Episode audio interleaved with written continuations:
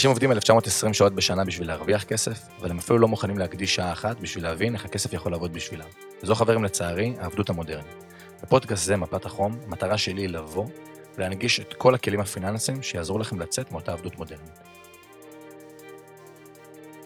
מה נשמע חברים? ברוכים הבאים לפודקאסט, לפרק נוסף, הפודקאסט מפת החום. אז האמת שאני מרגיש כאילו זה הפרק הראשון שאני מקליט, כי היה איזה פאוזה של כמעט שלושה חודשים מהקלטת הפרק האחרון אה, להקלטת הפרק הזה, כי כולנו יודעים אה, מה קרה באמצע שעצר אה, את הזמן אה, מלכת, גם שלי וגם של אה, רבים אחרים.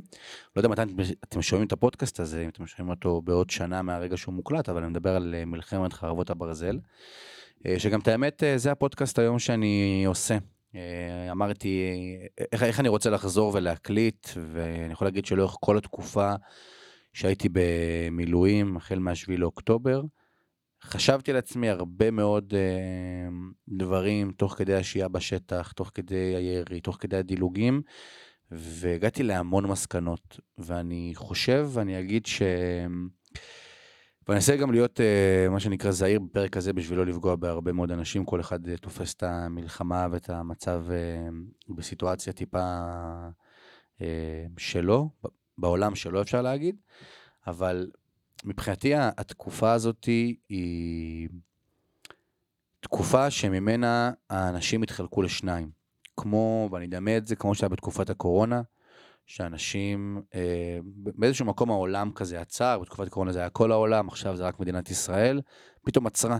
כל ההתפתחות שלנו, כל הפרויקטים שרצינו לעשות, כל הדברים שחשבנו לאחרי החגים, וזה גם הכי סימבולי שזה אחרי החגים, שאחרי החגים נהיה השנה מאוד מאוד ארוך ועוד אפילו לא הסתיים, פתאום נעצר.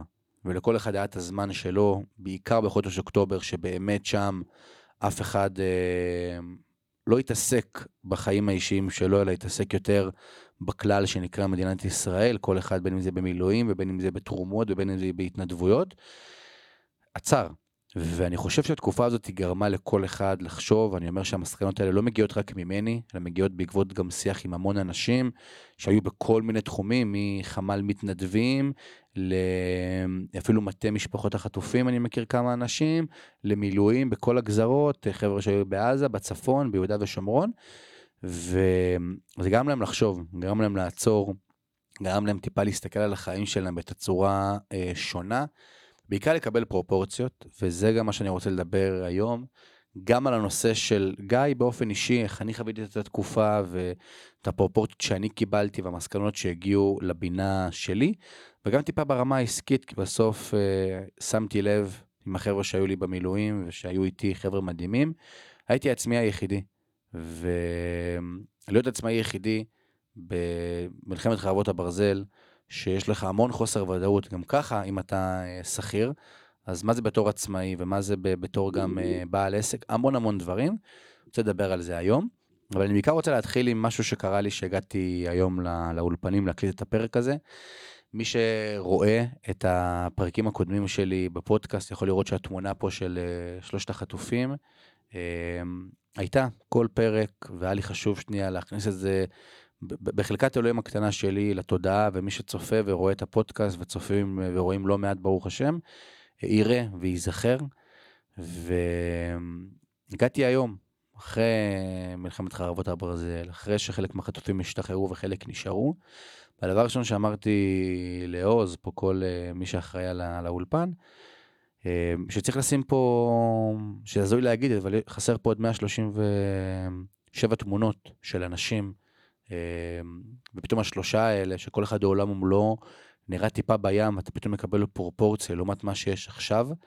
אמ, וזה הזוי וזה הכה בי, כי אם אני השתחררתי ממילואים לפני כמה ימים, לתקופה מסוימת, אה, באמת בשביל להחיות את העסק וטיפה לראות, אה, לייצב את הספינה, נקרא לזה ככה, וחזרתי לבין שגרה ומהמשרד שלי אני רואה את איילון, ואיילון מפוצץ, ופקקים מכל מקום. היום נסעתי מהרצליה לכאן, לקח לי שעה ועשר דקות להגיע במונית, שביום רגיל, נקרא לזה תחילת הלחימה, נסיעה כזאת לוקחת 15-20 אה, דקות במקסימום, ופתאום ככה, מתוך כל החמישה הימים האחרונים של השגרה, הגעתי לכאן, ועוד פעם זה הכה בי. הדבר הזה ש... אנחנו חיים, מתנהלים, חלק כבר הולכים לבתי קפה, יושבים במסעדות, אה, אני מקבל פגישות אה, כל יום, מעלה סטורי, אני מכיר גם אפילו כמה חבר'ה שסגרו טיסות לחו"ל, ויש עדיין 137 חטופים אה, בעזה, שזה אבסורד בכלל להגיד את זה, ואני יכול להגיד שלא נתפס בעיניי, ומפה אני גם ככה אקשר את זה לנושא של הפודקאסט, שבשנת 2023, שאפשר להגיד שמדינת ישראל הלכה יותר לכיוון אה, לחיות כמו החבר'ה שחיים בחו"ל, אני אתאר את זה ככה. מאוד כל אחד כבר אה, דאג להתפתחות האישית שלו ולאיך הוא מתקדם. והיינו מאוד מדינה מערבית, פתאום בשבת אחת חזרנו לפרופורציה להבין מי אנחנו ואיפה אנחנו, וכמה שנרצה או נשאף להיות כמו המדינות במערב, שנראה שם שהכל טוב ויפה על פני השטח ואין מלחמות ורק כל אחד דואג לפנים המדינה וההתעסקות היא כמה תלמידים יש אה, בכיתה, אם יש 30 או 34 תלמידים ולמה אין רכבת אה, לאילת או למה אין רכבת לקריית שמונה או למה לא דואגים לכביש כזה או אחר ווואו איזה עומס ברכבות. פתאום כל השיח שהתנהל במדינה שלנו אפשר להגיד מאז צוק איתן בסדר אבל התגבר מאוד מאז תקופת הקורונה. שאני חושב שתקופת הקורונה הייתה מעין איזשהו סמן ימני לכולם, להבין שחיים פה פעם אחת, וכל אחד צריך כביכול, זה, אני לא חושב שזו המסקנה הנכונה, וגם, אגב, זו מסקנה שאני חייתי על פיה במשך uh, מספר uh, שנים, עד uh, תקופת המלחמה, ופתאום השיח הוא נהיה מאוד מאוד סוליסטי, מאוד איך אני דואג לעצמי, איך אני מתפתח, איך אני מתקדם, כל עולם ההתפתחות האישית מאוד הגיע למיינסטרים, וכל אחד כבר דואג לעצמו. איך אני מתפתח ואיך אני מתקדם, ואיך אני יש את הזוגיות הכי טובה, ואת הכי כסף בחשבון הבנק, ואיך אני עושה את התשואה הכי גבוהה בשוק ההון, המון המון דברים, וגם השיח נהיה, אני לא חושב שזה שולי, אבל הוא נהיה מאוד שולי לעומת מה שאנחנו חווים עכשיו. אף אחד פתאום לא ידבר איתכם עכשיו על וואו, איזה עומס יש ברכבות מחיפה לתל אביב, או וואו, למה אין אה, תחבורה ציבורית בשבת, או וואו, למה אין רכבת לקריית שמונה או לאילת. סתם הבאתי דוגמה לנושא התחבורה, זה, זה בערך בכל נושא, או למה מחירי הדיור פה מאוד מאוד יקרים, כי פתאום התעוררנו בשביעי לאוקטובר למציאות שהזכירה לנו איפה אנחנו, שאנחנו במזרח התיכון, וכמה שנרצה להיות באירופה בין, באזור הגיאוגרפי בין צרפת, אה, גרמניה, אמסטרדם, גרמניה, הולנד שם באזורים, אנחנו במזרח התיכון, ופתאום הכל השתנה. עכשיו, אני, אני לא, אני לא אשכח את זה שאני, שביעי לאוקטובר מתעורר שבע בבוקר, הייתי אצל ההורים שלי בחיפה, ושלוש וחצי אני כבר אה, מקבל את הטלפון, גיא, סע לצפון, נוסע לצפון, 24 שעות אני כבר בשטח עם הכלים, עם איזה נגמש מול uh, קיבוץ uh, ארבל, uh, מי שמכיר, uh, היישוב, ואומר לעצמי, וואלה, כאילו, כל ה... היה לי המון פרויקטים ותוכניות ודברים שתוכננו ככה לגן של סוף השנה ואחרי החגים, ומי שלא יודע, הפכתי בינואר האחרון, ינואר 2023, מעוסק מורשה לחברה, שאגב, אני גם מדבר על המהלך הזה, איך הוא תרם לי בתקופה הנוכחית. והרגשתי שזה בדיוק הזמן של העסק, אחרי שכל התבני... אחרי שכל התשתיות נבנו והיסודות אה, נטמעו בקרקע, פתאום אמרתי לעצמי, וואלה, כאילו זה הזמן עכשיו להתפוצץ, גם ברמת המחזור, גם ברמת הכשרת העובדים, גם ברמת הלקוחות, גם ברמת המוכרות שלי ברחבי המדיה, והיה המון המון פרויקטים, ופתאום אני בשמיני, שביעי לאוקטובר, מוצא את עצמי עם נגמש, עשרה חיילים שאני לא מכיר אה, עד אז, מול יישוב בצפון הארץ, שהמחשבה העיקרית שלי זה איך אה, פלוגות רדואן מצפון הארץ לא חודרות לשטח ישראל. פתאום אמרתי לעצמי, וואלה, הקרקע לא מובנת מאליה.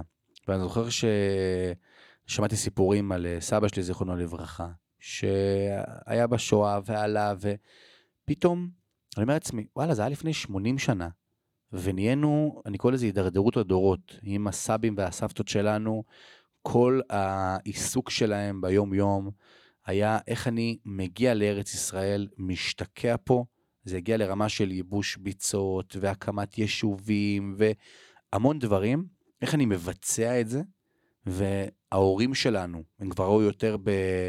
נקרא לזה חשיבה של איך אני אה, מוצא את עצמי במעמד סוציו-אקונומי מסוים בארץ, עם הסבים והסבתות שלנו, הם אלה שעלו לארץ והתיישבו פה, איפה אני...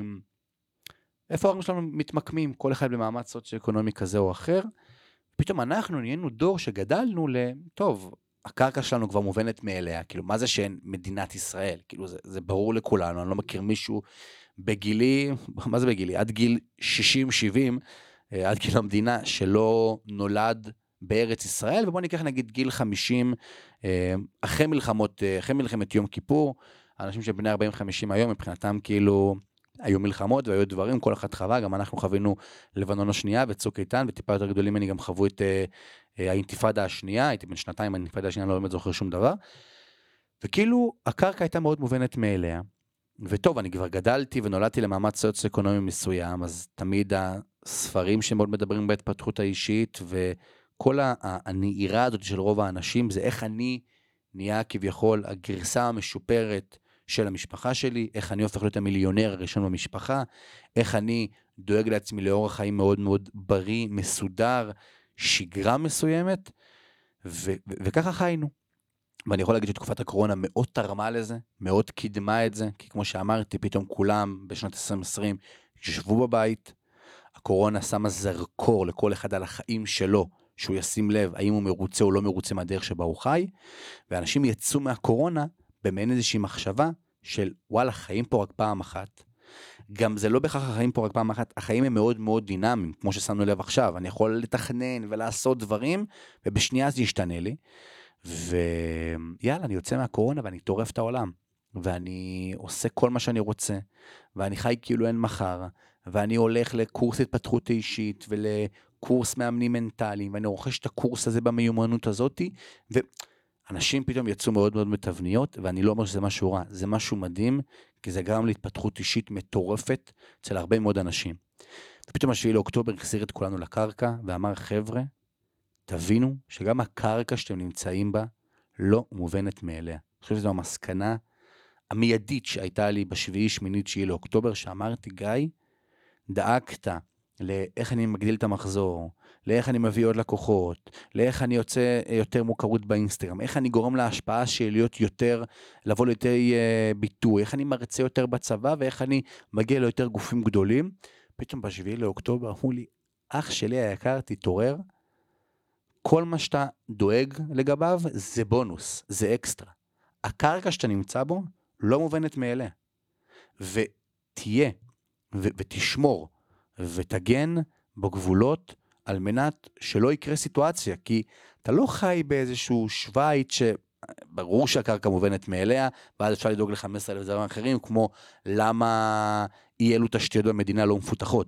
פה, מי בכלל מעניין אותו התשתיות? מעניין אותי הקרקע עצמה. ואני חושב שראינו גם בחודש הראשון ללחימה, ואנחנו גם רואים את זה עד עכשיו, ורשמתי את זה ממש כאן. המלחמה גרמה לנו להפוך להיות מעם סוליסטי לעם מלוכד, כי מלפני 85-75 שנה, העם היה מאוד מאוד מלוכד, בסדר?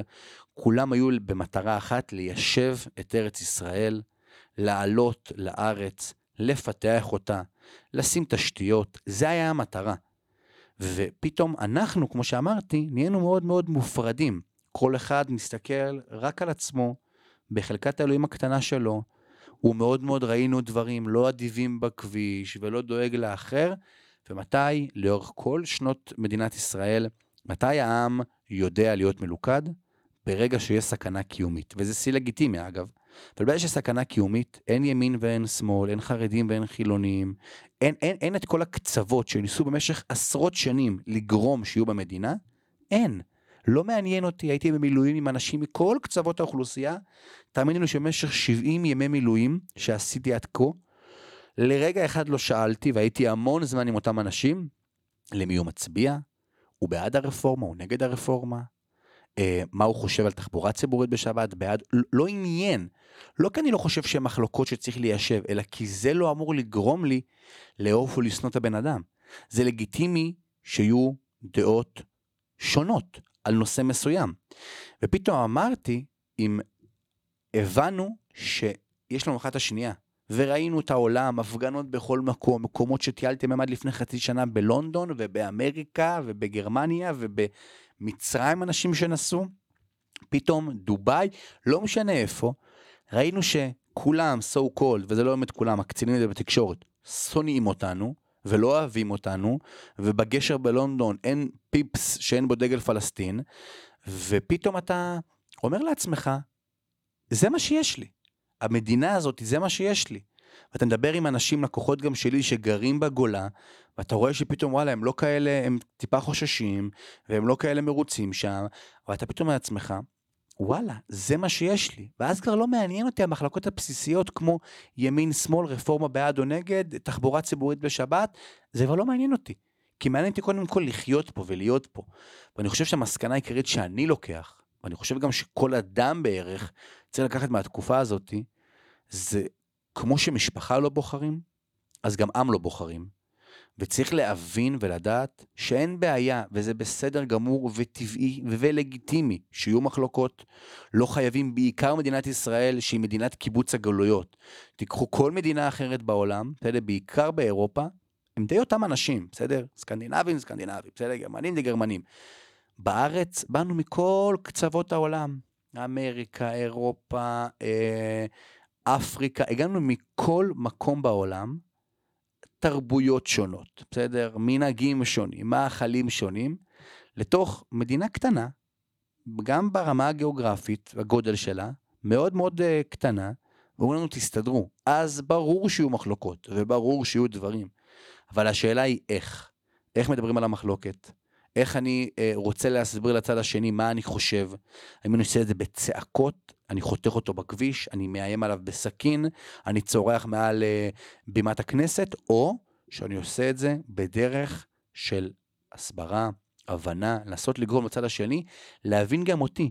וגם זה בסדר גמור להסכים שאנחנו לא מסכימים על הכל, וזה היופי בדמוקרטיה, זה היופי, מה שנקרא, במגוון אה, דעות, אבל אני חושב שהמסקנה העיקרית היא להבין שכמו אם אין אני לי מי לי, אנחנו המדינה, אנחנו האנשים, וראינו איך כולם נרתמו, לא משנה, ושימו לב, שחיילים בשטח, גם אני ולא משנה, קיבלו תרומות, אף אחד לא שאל, או ברזנטים להגן מהחורף, אף אחד לא שאל, מי הביא את התרומה, ימני או שמאלני? אז זה שהביא את התרומה, הוא היה בקפלן או לא היה בקפלן? כי זה לא מעניין. כי פתאום הצורך האמיתי הוא עולה ומתגבר מעל כל מחלוקת שהייתה מלפני זה. ואני יכול להגיד לכם שהיו לי ברזנטים שהגנו על החבר'ה שלי והחיילים מפני הגשם, של אחים לנשק מצד אחד, בסדר? ושל עוצמה יהודית מצד שני. בסדר? אני לא בהכרח אומר שהם קצוות שונים, אבל... והיה...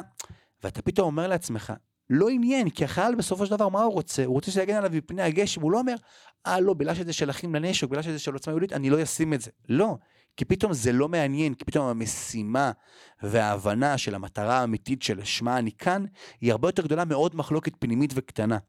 ואני גם מבקש, בקשה ממני, לכל, אני חושב שזה מסר שאני מנסה להנחיל בכל אה, במה שבה אני מדבר מאז מלחמת חרבות הברזל, ואני אומר את זה לכולם, תלמדו להיות יותר סובלניים, תיקחו את התקופה הזאת ואל תשכחו אותה. בואו שלא עוד שנה מהיום נחזור לשיח הכל כך דל וחסר חשיבות שהיה לפני מלחמת חרבות הברזל. אנחנו לא צריכים מלחמה שתזכיר לנו שאנחנו אחד חיים בתוך התחת של השני, ורק אנחנו נדאג לעצמנו. אנחנו לא צריכים שיקראו את פיגוע כזה או אחר שפתאום נתלכד, אנחנו לא צריכים את זה, בסדר? ו... ואני לא אומר שהמלחמה הייתה טובה כי הזכירה לנו את זה, בסדר? כל נרצח והרוג שהיה במד... במלחמה הזאת, הוא, הוא, הוא לא שווה כדי שיזכירו לנו את זה. אבל אני אומר לאבא, בסדר? כי מה שהיה, היה. לאבא, בואו נלמד, בואו נסיק מסקנות מזה. בואו ניקח את זה ש... החטופים שעדיין נמצאים בעזה, והנרצחים והנהרגים שבמלחמה הזאת, לא מתו לשווא. לא מתו כדי שאנחנו שוב פעם נחזור לפילוג, ושבעוד 20 שנה מהיום תהיה עוד מלחמה כזאת. לא, אני לא רוצה שכמו שהיום אני שואל את אבא שלי, איפה היה במלחמת יום כיפור? אני לא רוצה ככה שהילד שלי ישאל אותי, איך היה, איפה היית במלחמת חרבות הברזל, והוא יחווה עוד כמה וכמה מלחמות. עכשיו, ברור שאנחנו לא שולטים אם תהיה מלחמה או לא תהיה מלחמה, אבל בואו נבין שאם אנחנו בתוך המדינה נהיה מלוכדים, נהיה אחד, נהיה אגרוף, אף אחד לא יעז להתעסק איתנו, ממש כמו שעכשיו. לא חיזבאללה, לא סוריה, לא איראן, לא חוץ מהחות'ים הלא מחוברים האלה, אין שום גוף או ארגון בעולם שכרגע מעז להתעסק עם מדינת ישראל, כי מבינים שכולנו מלוכדים כמו אגרוף, ואף אחד לא יכול להזיז אותנו. אז גם אם למעלה, משתי קצוות הפוליטיקה, מנסים לערער אותנו, חלאס. זה לא מעניין אותנו, את האנשים בקצה. כי כמו שאמרתי לכם, כשאני אה, יושב ומכין קפה בשטח לאנשים, לא מעניין אותי אם הוא היה בעד או נגד הרפורמה. בסדר, שזו המחלוקת העיקרית שהייתה לפני המלחמה. לא, זה לא מעניין אותי. גם זה לא גורם לי לשנוא, לאהוב אותו. זה שהחבר'ה שם למעלה מנסים לייצר תמונה ולצייר אותה, שאם אני בעד הרפורמה והוא נגד הרפורמה, אנחנו שונאים אחד את השני, זה ממש לא ככה לפני השטח. ובואו נייצר את ההפרדה הזאת, מה שמנסים לייצר למעלה, שלא יחלחל אלינו. לפני יומיים שמעתי אה, רעיון של אב שכול שהתראיין לאיילה חסון בכאן 11, והביא מונולוג של שמונה דקות, מבחינתי איילה חסון זה שהיא נתנה לו לדבר ולא קטעה אותו, זה תפקידה שלה כעיתונאית ועשתה מהלך מדהים, להבדיל מעיתונאים אחרים שעוצרים, שלפעמים אומרים מה שלא נעים להם לשמוע. הביאה לו לפרוק, והוא אמר בצורה הכי כנה שיש וכואבת של אב שכול, חבר'ה, אל תיתנו להם לפלג בינינו. אל תיתנו להם, שאני אומר להם, זה לתקשורת וזה לפוליטיקאים, אל תיתנו להם. זה באמת לא שווה את כל המריבות, את כל הסכסוכים, את כל ה... כי אנחנו חיים, אנחנו בסופו של דבר אלה שעמלים קשה ועובדים, וכמו שאני אומר תמיד, ואני אקשר את זה טיפה לפיננסים, את החלב, את הקוטג' ואת ה... אה, לא יודע מה, גבינה בסופר, לא מעניין למי אני מצביע ימין או שמאל, בסוף מעניין אותנו מהכיס שלנו. כשאני בא לדבר עם בן אדם, לא מעניין אותי, מעניין אותי מי הוא בתור אדם, בסדר? ואיך הוא מדבר, ואיך הוא מעביר את המסר שלו. ובסדר, יש לו דעה, הכל בסדר. אני לא חייב להיות החבר הכי טוב שלו, אבל אני גם לא צריך לשנוא אותו ולגדף אותו ולחשוב שהוא האויב שלי, כי הוא חושב אחרת ממני. זה לא אמור להיות ככה. אז אני חושב שכל הדור, קטנים ממני, גדולים ממני ובני גילי, אנחנו צריכים להבין שמה שהיה לפני 80, 85 שנה, 90 שנה, תקופת השואה, בסדר? שזה לא... יש אנשים עדיין שחיים בקרבנו, שהם אותם שורדי שואה שהיו שם. אנחנו, שאז הם רק ציפו ורצו להגיע לארץ המובטחת, לארץ ישראל, לעלות לפה, להתיישב, שתהיה להם הגנה. אנחנו לא צריכים שדור שלישי, לא מדבר איתכם על דור חמישי, שישי, אז תראי, גם הוא לא צריך, אבל דור שלישי לשואה, לא צריך, בסדר? שישכח את מה שהיה, ולהיות מאוד מאוד סוליסט, אה, אנוכי, אה, דואג רק לעצמי, אלא להבין שאין מה לעשות. אנחנו במדינת ישראל, מדינת ישראל היא לעולם לא תהיה מדינה באירופה שכל הדאגה שם זה כמה כסף יש לי בחשבון הבנק, או איך אני מתפתח יותר ואיך אני... לא. מה שאנחנו חיים במזרח התיכון, ואנחנו צריכים להבין ולהכיר את זה, שעצם זה שיש לנו פה קרקע שאנחנו שומרים עליה, היא לא מובנת מאליה, ואנחנו צריכים לעשות הכל, אבל הכל על מנת לשמור על מה שיש לנו. זה מה שנקרא המסר העיקרי שרציתי להעביר שנייה בנוגע למסקנות העיקריות שלי מהמלחמה. ואם אני מדבר שנייה, ואני עובר פה ככה לרמה העסקית, אז אמ, שביל העשירי קרה, ואני מגיע עם uh, תיק לבסיס בצפון הארץ, במחשבה שטוב, מה שקורה בדרום קורה בדרום, ואירוע גדול, אירוע גרנדיוזי, אבל אין אפילו חשיבה שתתפתח לצפון, ואני הייתי בטוח שקוראים לכל הקצינים על מנת להגיע למעין איזושהי הורדת פקודה, לאם ותיפתח מערכה מצפון, מה עושים? ברמה שאני מגיע עם תיק של הצבא, שני זוגות תחתונים, שני זוגות גרביים, ולפטופ אזרחי. אני אומר, טוב, ראשון שני אני אבטל את הפגישות ואת הסידורים שהיו לי, אני אעבוד מהבסיס בצפון, שלישי אני אשתחרר, ואם ויהיה משהו, אז אני אה, אה, אקפוץ חזרה לצפון. 24 שעות לאחר מכן, אני כבר עם כלים בשטח, מזווד מנקים על הנגמשים, ואני אומר, איפה אני, מה חשבתי, ואיפה מה שקורה בפועל. הסוויץ' הוא צריך להתבצע מאוד מהר. אבל מצד אחד, ומצד שני גם יש לך, רגע, אני מתעסק בתחום שהוא מאוד דינמי. יום ראשון, השמיני לאוקטובר, אני מנסה להתעדכן במעט סוללה שיש לי, כי עד שאתה מגיע לאיזה גנרטור עם מתן, ועד שאתה מגיע למתנים ניידים, כי אפילו לא לקחתי מתן נייד, כי אני מבחינתי, אני בבסיס, יש מתנים, כי לקחתי מתן רגיל. הבורסה נפתחת. מחליטים לא לגרום לבורסה לא להיפתח, והשמיני לאוקטובר, ויש לי תיקי לקוחות שאני מנהל, ויש לי לקוחות עם תיקים, ואני יודע מה יקרה ביום ראשון. עזבו את זה שאני יודע שגם לא משנה איזו מלחמה הייתה, מה-9-11 ליום כיפור, ללבנון השנייה, בסופו של דבר, הבורסה חזרה לאיפה שהיא הייתה, ערב פרוץ, אה, מה נקרא בוקר פרוץ המלחמה, אבל באותו יום ראשון ללקוח שהתחיל תהליך לפני חודשיים, אפילו ללקוח שכבר שנתיים איתך בתהליך, הוא לא בהכרח מודע לזה שאין לו מה להיבהל שתל אביב, מדע תל אביב נדל"ן יורד בעשרה אחוזים ביום ראשון. עכשיו, מצד אחד, הפנאי שלי וההבנה עם כל ה-20 דקות הקודמות שדיברתי, היה מאוד מאוד ב, טוב, תעשה את המשימה שלך, וכרגע ה- לדאוג לעוד לקוח הוא לא בהכרח הדבר הכי חשוב פה, בסוף הכי חשוב פה זה כרגע לדאוג שהכלים יגיעו לשטח ושרדואן מצפון לא יחדור לשטח מדינת ישראל, כי אם הוא יחדור, אז מה רלוונטי עוד תל אביב נדל"ן או פחות תל אביב נדל"ן? זה מצד אחד, ומצד שני אני אומר, גיא, בהשקעות אין רגש.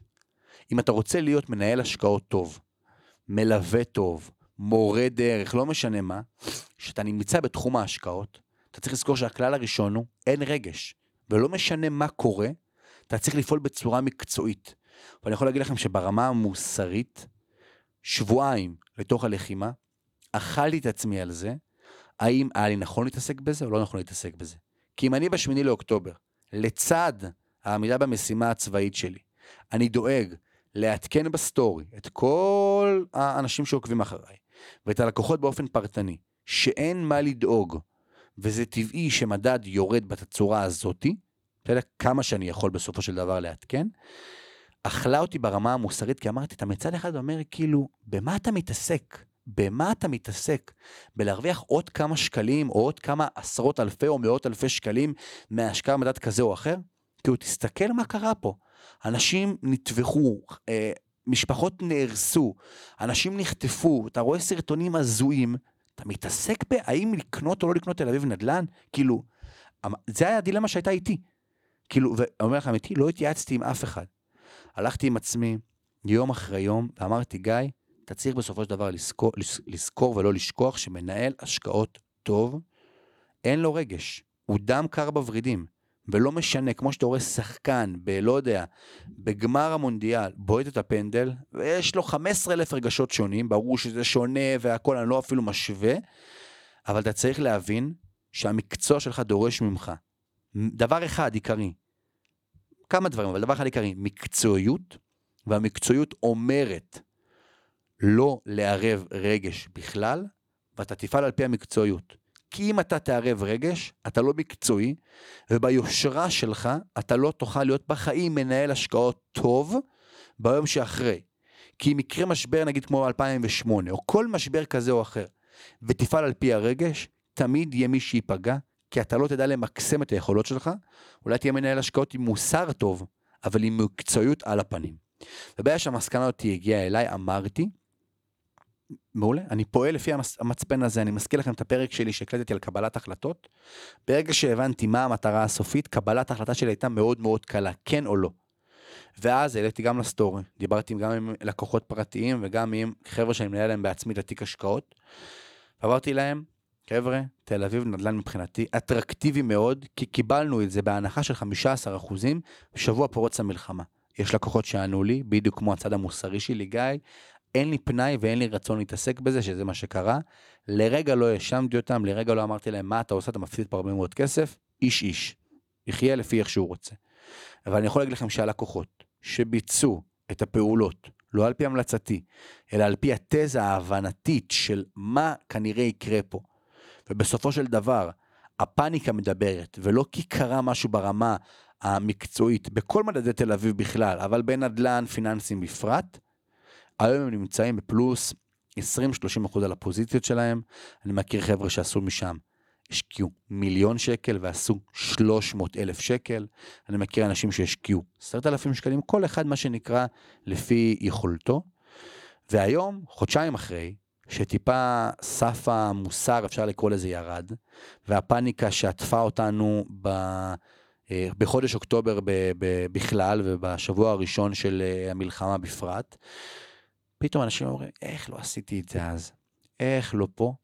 בדיוק כמו אותם אנשים שבתקופת הקורונה, מדד, מדד ה-S&P יורד בתשעה שבועות ב-30 אחוז, והם, מי בכלל מתעסק בזה? אנחנו בפאניקה של לקנות ניירות טואלט ולקנות uh, מסכות לפנים וכפפות, ותשעה שבועות לתוך פרוץ הקורונה, הם התבאסו ואמרו, איך לא עשיתי? עכשיו ברור שאני לא, אני לרגע, לרגע לא אומר שהדבר, אמרתי לכם, זה היה הדילמה המוסרית שלי. ואני לרגע לא מצפה ממשקיע פרטי שיהיה לו את אותה רמת מקצועיות כמו שלי בתור בן אדם שמנהל השקעות. אני לא מצפה את זה, אבל בסוף בן אדם שצריך להשקיע ומשקיע את כספו, צריך להבין שהוא פועל ממקום אחד בלבד, מקצועיות, לא רגש, מקצועיות.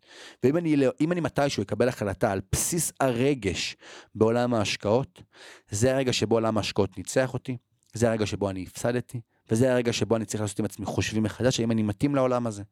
וכן, לקבל החלטה בשמיני לאוקטובר ובתשיעי לאוקטובר, להיכנס בעוד איקס סכום למדד תל אביב איקס, על מנת למקסם את הרווחים שלי, כי אני יודע מה יקרה פה חודשיים מהיום, החלטה מוסרית מאוד קשה, מקצועית, כמו שהייתי מצפה ממנהל ההשקעות שלי.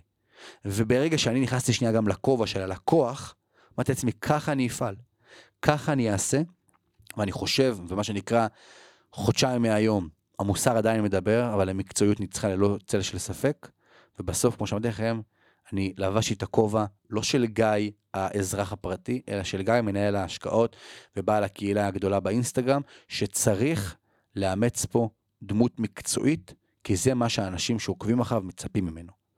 וזה גם מסר לכולכם, גם בנוגע לפאניקה ברגע שדברים יורדים, גם בנוגע לקבלת החלטות בהשקעות, חבר'ה, 100% מקצועיות. ואם אתם לא יודעים מה זה אומר המקצועיות, זה כנראה אומר שעד עכשיו אתם השקעתם על בסיס מישהו שאמר לכם משהו, על בסיס רגש, על בסיס תחושה. ואנשים לפעמים פונים אליי, בגיא, אני חושב להשקיע מנהל אותי, מה אתה אומר? אני אומר לו, מעולה, מה, מה התזה שלך? הוא אומר לי, אני חושב ש... אני אומר לו, מעולה, אתה חושב שהיא תעלה או היא תגדל ברווחים או בהכנסות שלה על בסיס מה? אתה חושב שהיא תעלה ותגדל ברווחים ובהכנסות שלה על בסיס מה? על בסיס זה שהיא אה, טובה, על בסיס זה שהיא מפתחת מוצר חדש, המנכ"ל עושה אילו מהלכים. אומר לי, לא, תשמע, נראה לי שהחברה עצמה היא איכותית, אז אני אכנס אליה. אני אומר לו, סבבה, אתה מדבר פה על בסיס רגש, על בסיס משהו שאתה חושב, ולא על בסיס משהו מקצועי שמאשש את התזה שלך. אז זה שנייה ברמה המקצועית. ברמה של ניהול העסק, אני יכול להגיד לכם שאני פונה גם פה לכל העצמאים ש... עברו ועוברים עד כה את אה, מלחמת חרבות הברזל בפנייה שאתם אלופים. ואתם אלופים כי בעל עסק שהוא קיים 3-4 שנים, רק עכשיו, נקרא לזה, אחרי 4 שנים, 3 שנים של העסק, מתחיל לראות את הפירות שלו, בסדר? התחיל טיפה ליהנות מהרווחים, בהתחלה הוא מקים את העסק, אז הוא מוציא הרבה מאוד כסף, הרווחים הראשונים הולכים קודם כל לסגירת ההלוואות, או המינוסים, או הדברים שהוא נכנס אליהם. לאחר מכן הוא מתחיל טיפה לייצא, ואז מגיע מס הכנסה, מע"מ, ביטוח לאומי, בוא תיקח לי. ואז הוא לומד מה זה לשלם מקדמות למס הכנסה, ומה זה דוח שנתי, ומה זה כל מיני תשלומים כאלה ואחרים, ורק אז הוא משפר את העסק שלו, הוא מבין מה צריך, הוא קונה עוד איזשהו מוצר, עוד איזשהו אביזר, הוא משפר. ואז שהוא ייצב את הספינה שלו, טוב, הגיע הזמן להתחיל לפרוח. כל התהליך שאמרתי לכם עכשיו, לוקח בערך 3-4 שנים, ואז שהוא בא, ואני מכיר לא מעט בעלי עסקים כאלה, עכשיו, ליהנות מהפירות, כי הוא פתח את העסק שלו בקורונה, והנה עברו כבר שלוש שנים, אוטוטו ארבע, הוא אומר יאללה הנה אני מתחיל כבר להרוויח, מתחיל ליהנות ומתחיל הכל, טאק, מגיעה מלחמה, הורסת לו שנייה את הכל וגורמת לו לחזור שנה אחורה. שקודם כל זה אני חושב בעניין היזמי, זה המהות של יזם, בסדר? יזם זה כמו חתול שנופל תמיד על הרגליים, זה זה. זה היכולת לאמץ שינוי של 180 מעלות, זה להבין שנייה מה אני עושה ואיך אני עושה, כי לא בחרתי ללכת בדרך חיים של 9 to 5, ואני קם לעבודה, אני הולך בחמש ואני מקבל את המשכורת שלי. ראיתי גם איתי אנשים במילואים, הייתי עצמי היחידי, וראיתי אנשים איתי במילואים, שבגדול הדאגה שלהם היא אפסית, כי את המשכורת הם יקבלו ככה או ככה, לא אכפת להם. אולי הדאגה זה איפה אני אקבל שישי שבת, או... אבל ראית שביום יום לא מתעסקים, ושהם ראו אותי מעלה סטורי ומדבר עם ספקים, מדבר עם לקוחות והכל, אמרו לי, תשמע אחי, אתה, אתה לא נח. והסברתי להם שאת הלקוח בסופו של דבר, מעבר לשבוע, שבועיים, שלושה הראשונים, שהלקוחות מאוד, נקרא לזה, כל מדינת ישראל בערך הייתה מאוד מאוד לבבית, ואני מבין ואני מכיל, אחרי שלושה שבועות זה, אח שלי היקר, אם אתה במילואים, תשמע, כאילו, בוא נקפיא, בוא נבטל, בוא, בוא, בוא, נראה מה יקרה. שעזבו שברמה האישית היה לי הרבה מאוד אה, פעמים אה, אכזבה מאותם לקוחות של כאילו, אח שלי יקר, בוא תבין את הסיטואציה, ומצד שני, אני לא, הוא לא באמת צריך להבין אותי, ובסוף צריך להתייחס לזה עוד פעם ברמה המאוד מקצועית ואפס רגש. אבל אמרתי לעצמי, וואלה, כאילו, אני לא מה שנקרא שכיר שהבוס, וכולם גם אמרו לי, תשמע גיא, אבל, אבל יש לך חברה באה, מה, אתה תקבל כסף מהמדינה. בסדר, אבל אני, אני הבעלים של החברה. אני המנכ"ל, אני הבעלים, אני המייסד, אני צריך לדאוג לכסף שייכנס לחברה. מכל מיני צורות, ממחלקת ניהול תיקי השקעות, ממחלקת האפיליאציות, ממחלקת ההכשרות, ממחלקת המון המון דברים. אני בעצמי צריך לדאוג לזה. אני ועוד אנשים שעובדים כמובן איתי, אה, אבל אם אני לא אדאג לזה, אז מה, מה יקרה? ואני חושב שעצמאי, שאין עצמאי אחד, ואני אומר לכם, דיברתי גם עם מנהלי השקעות גדולים בארץ על המחלקות שלהם, לא איזה עצמאי שמה שנקרא, לא יודע, יש לו חלקה קטנה. חבר'ה שמנהלים הרבה מאוד כסף, אמרו לי, תשמע גיא, חודש אוקטובר היה חודש ירידה בהכנסות בצורה דרמטית. אז קודם כל תדעו שכולם באותה, סירה.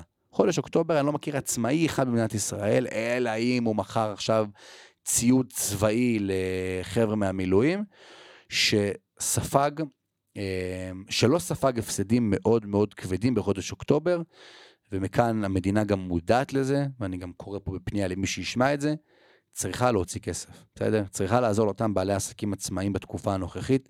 זה לא תקופת קורונה שכל העולם עצר מלכת, זו תקופה שאף אחד לא ציפה אליה ואף אחד לא רצה אותה, ובסופו של דבר יש פה הרבה עצמאים שנפגעו, ואם אני אלך פה בשרשרת המעגל הכלכלי, אם אותם עצמאים יסגרו את העסק שלהם, יש חלק מהעצמאים גם שמעסיקים עובדים, יהיה פה גל פיטורים מאוד מאוד גדול, הכוח היצרני של אזרחים במדינת ישראל הוא ירד בצורה משמעותית. מדינת ישראל צריכה לפתוח פה את הכיס ולעזור לאותם בעלי עסקים שנפגעו. ובעל עסק שהמחזור שלו היה 30 או 40 או 50 אלף שקל, 10,000 שקלים לא באמת יעזור. כי ההוצאות ממשיכות, אני אתן לכם דוגמה עליי, וזה גם פה אגב, ואני אומר לכם פה עוד איזשהו טיפ לכולם, זה הכוח של בחירת ספקים. הגיע השביעי לאוקטובר, ובעשירי אמור לרדת שכירות למשרדים בתל אביב, לרואי חשבון, לעורך דין, לעורך וידאו, ל-15 דברים שונים אמור לרדת הוראת קבע. ואני בראש, טוב, אוקטובר מת, כאילו, לא תהיה הכנסה אחת, תהיה הכנסה ממקורות הכנסה שונים, אבל המקום העיקרי, שהוא, ה, נקרא לזה, הכשרות, לא תהיה הכנסה מסוימת. אמ, ואם נקרא לזה לצורך הדוגמה, התפעול של העסק הוא 100 אלף שקל בחודש, ייכנס 50, אני ב-50 בור, מה אני עושה? ואין ספק אחד שדיברתי איתו אני או אמיר, ואמרו, חבר'ה, הכל טוב, אל תשלמו חודש הזה, תעצרו, תשלמו רק 10 אה, אחוזים, תשלמו 20 אחוז, שמאוד הבינו את הסיטואציה. כולם, ללא יוצא מן הכלל, כולם הבינו את האירוע, גם אתן לכם דוגמה, ואני אפרגן פה בצורה מהותית לאולפן שבו אני מקליט, המון פרקים שהיו אמורים, אה, שהיו כבר בלוז והיו אמורים אה, להיות מוקלטים, ולפי החוזה שחתמתי, פרק שמבטלים אותו ב-X שעות לפני הקלטת הפרק, חיוב מלא. וכמות הפעמים שביטלתי לעוז, אמרתי לו, תשמע, אני יוצא מהצבא, אני צריך לבטל, תשמע, אני יוצא מהצבא, צריך לבטל, הייתה אולי מינימום עשר פעמים, וכל פעם זה היה, הכל טוב, אני מזיז בעצמי, בלי אפילו שיח על, אה, על תשמע, בוא תשלם שום דבר. ואני יכול להגיד לכם שמלוא הערכה היא אצלי, והספקים האלה ספקים שקודם כל אני יודע שההמלצה החמה שלי היא, היא תהיה, אבל זה, זה הכוח, וזו ההבנה, ולעבור את תקופת מלחמת חרבות הברזל, אני נקרא לזה, הקמתי את העסק לפני שלוש שנים, מאז לא יצא לי לחוות תקופה כמו עכשיו, תקופת הקורונה עברתי אותה בצורה מאוד מאוד מוצלחת, כי בסופו של דבר גם העסק שלי מבוסס על השקעות, ואז כל העסק היה אך ורק על ניהול תיקי השקעות, אז uh, שוק ההון מתפוצץ למעלה, להרוויח כסף זה כמו לקום בבוקר ולראות שיש שמש, זה, זה לא הייתה בעיה. Uh, ואז גם זה גדל יותר, ועובדים, והכשרות, ועניינים, ופתאום הגעתי למצב שאני צריך פעם ראשונה בתור יזם, בתור uh, עצמאי, ואף אחד לא לימד אותי את זה בחיים, איך אני מתמודד בתקופה הזאת. בין אם זה במענקים, ובין אם זה במילואים משולמים, המון דברים. ובגלל אני גם אומר שללמוד עסקים זה לא לשבת בפקולטה וללמוד ב... בלוח, זה להיות בשטח. זה לרדת לשטח ולהבין בדיוק מה אני חווה ואיך אני חווה. זה להיות שם ולראות איך אני מתמודד עם הדברים האלה הלכה למעשה אה, ומה קורה. ואני יכול להגיד לכם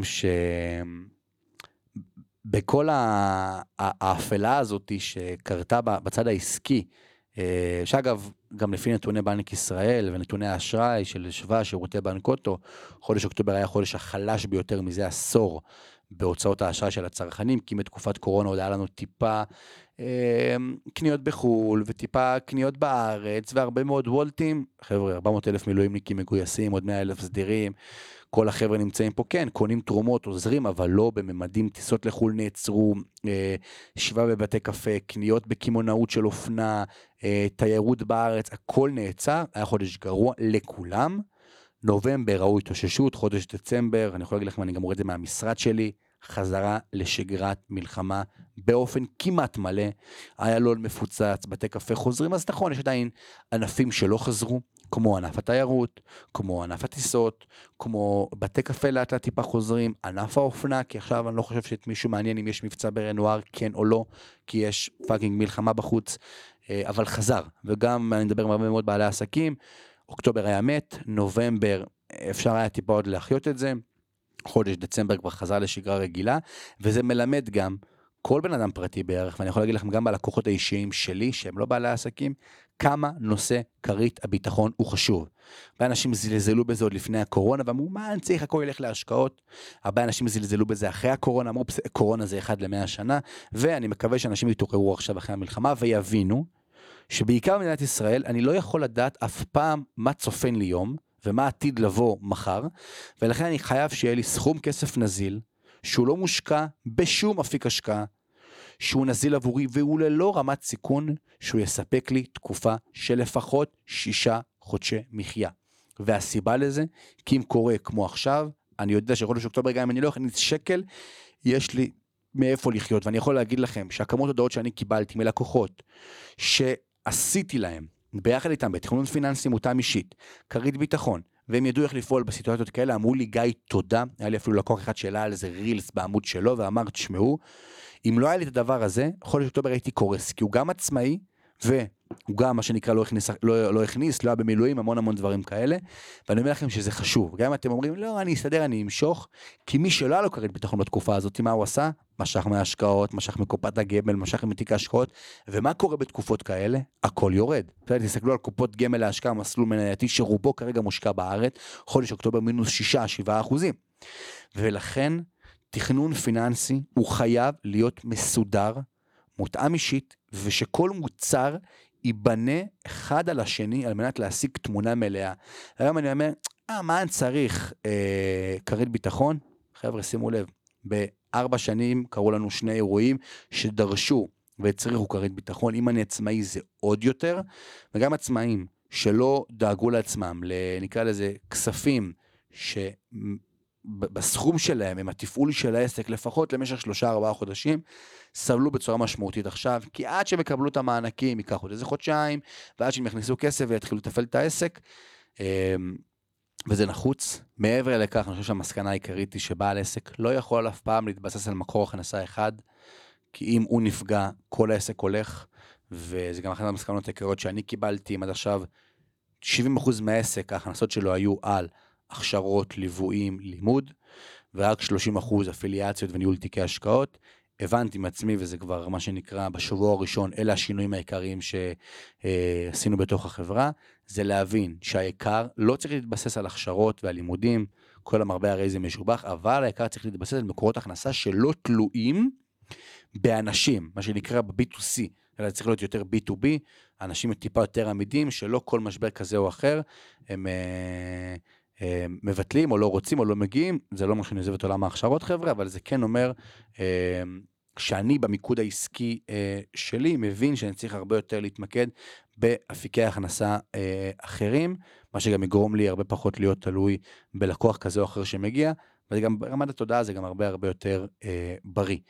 אז בסופו של דבר, ההבנה הזאתי, פלוס ההבנה שאני בחודש ינואר 2023 עברתי להיות מועסק מורשה לחברה, הבאתי שותף מדהים בשם uh, אמיר, הבאתי שלושה עובדים מדהימים בשם גיא, איתי ואלירן, שהם בלעדיהם, יכול להגיד לכם, אני, אמיר ואיתי גויסנו למילואים, אלירן וגיא נשארו במשרד, הם אלה שתפעלו את העסק בצורה 100 מ-100 בחודשי אוקטובר-נובמבר, עד שטיפה השתחררתי ויצאתי הביתה וכל הדברים האלו, שזה הראה לי כמה חשיבות היה לצאת מה-one man show לחברה ולארגון, בסדר?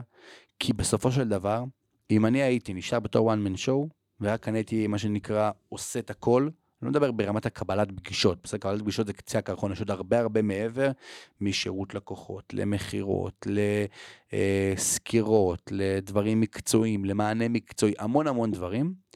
אם אני הייתי לבד, אוקטובר, נובמבר, היה אפשר להגיד על העסק שנקרא גיא נתן, אה, נגמר, אין עסק, העסק לא עבד, יותר נכון, יצא להקפאה עד אה, שאני אחזור חזרה לשגרה. ואז היה מאוד קשה להתניע.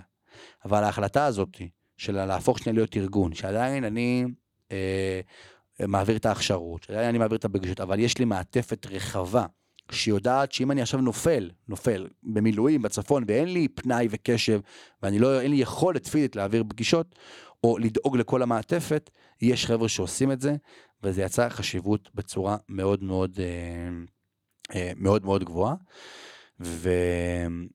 והחזרה לשגרה אה, תוך כדי המלחמה, כי אחרי, אחרי השבועיים שלושה הראשונים, השוק שהיה במדינה מגיוס התרומות המסיבי לאנשים ששנייה לא מבינים מה קורה, פתאום היה הכל הרבה יותר מאוזן. נובמבר זה היה חודש של לראות פני המערכה, לאן היא הולכת, חיזבאללה מצטרף או לא מצטרף, עזה מגיעים, לא מגיעים, שחרור חטופים.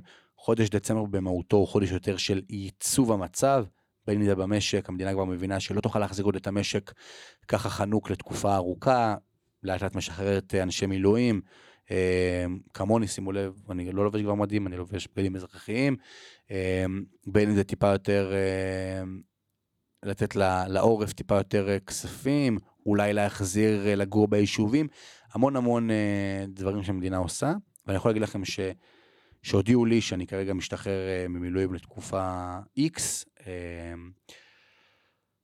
זה לא אני וכל הגדוד כמובן, היה לי מעין איזשהו שמחה מעולה בעצם, איזושהי שמחה מעולה בעצם, מצד אחד שמחה כי אני חוזר לשגרה ויש לי הרבה דברים לעשות ויש לי הרבה מסקנות, והנה אני גם רוצה להקליט את הפודקאסט הזה כבר מעל חודשיים וכל פעם לא הייתה לי אפשרות.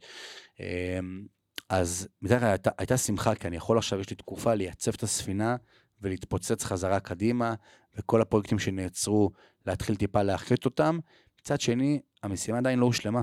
יש עדיין חטופים, האיום בגבול הצפון לא הוסר, בעד עדיין חמאס לא התמוטט, והחזרה לשגרה, תוך כדי, ופתאום ללכת לתל אביב ולראות את כל האנשים כרגיל כלפי חוץ, אני בטוח שכל אחד בפנים אה, נמצא גם בסערת רגשות, אבל כלפי חוץ, הכל כמו שצריך, ופקקים, ורכבת, ועניינים, ואני פתאום נסעתי לאילת למשפחה של הבת זוג שלי לפני שבועיים, ואני רואה את לוח הטיסות והמורות בנתב"ג מפוצץ, אתה כאילו אומר, מה קורה? ו...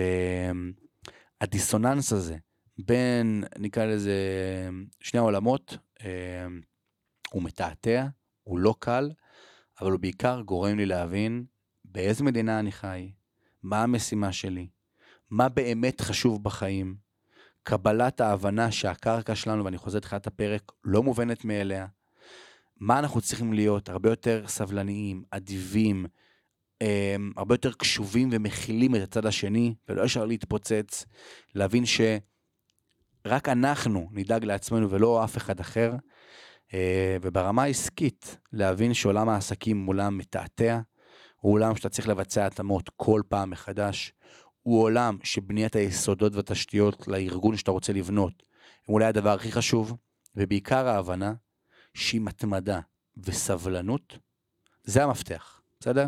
אם לא הייתי, והיה לי תקופות במהלך הדרך, שלא הייתי סבלני, כי יאללה, אני רוצה כבר להגיע, או לא הייתי מתמיד, הכל היה קורס. עניין הסבלנות הוא מגיע לידי ביטוי באין יעד, בסדר? הדרך, זו, זו, זו, זו, זו המטרה, זו היעד, ליהנות מהדרך, ואין לך איזושהי נקודה שאתה אומר, שם אני אעצור. וההתמדה, מתוך האמונה וההבנה, שבכל יום העשייה ולהיות טיפה יותר טוב ממי שהיינו אתמול, זה מה שיקדם אותי אה, בדרך שלשם אני רוצה לעלות. אה, וזהו, ואני חושב שהיה לי מאוד אה, חשוב אה, לדבר, ואני רוצה גם לקרוא קטע שהעליתי ב-10 בנובמבר לפייסבוק, לאינסטגרם, לטוויטר. קטע שרשמתי מתוך תחושה במהלך השבת של, ואפילו העליתי על זה רילס של איפה החיים שלי היו לפני השביעי לאוקטובר ואיפה הם אחרי, ופתאום קבלת הפרופורציה של מה אני אז בגבול הצפון יש אנשים שלא איתנו כבר בחיים, יש אנשים שבלב סג'איה עכשיו, ויש אנשים שהמשפחות שלהם נהרסו, אז בסדר, זה טיפה אה, נמצא שם. אה, אבל אני רוצה לקרוא קטע כי חשוב לי להעביר איזשהו מסר, על אף כל החזרה לשגרה הזאת שמנסים לייצר במדינה, ואני אקרא אה, את הקטע.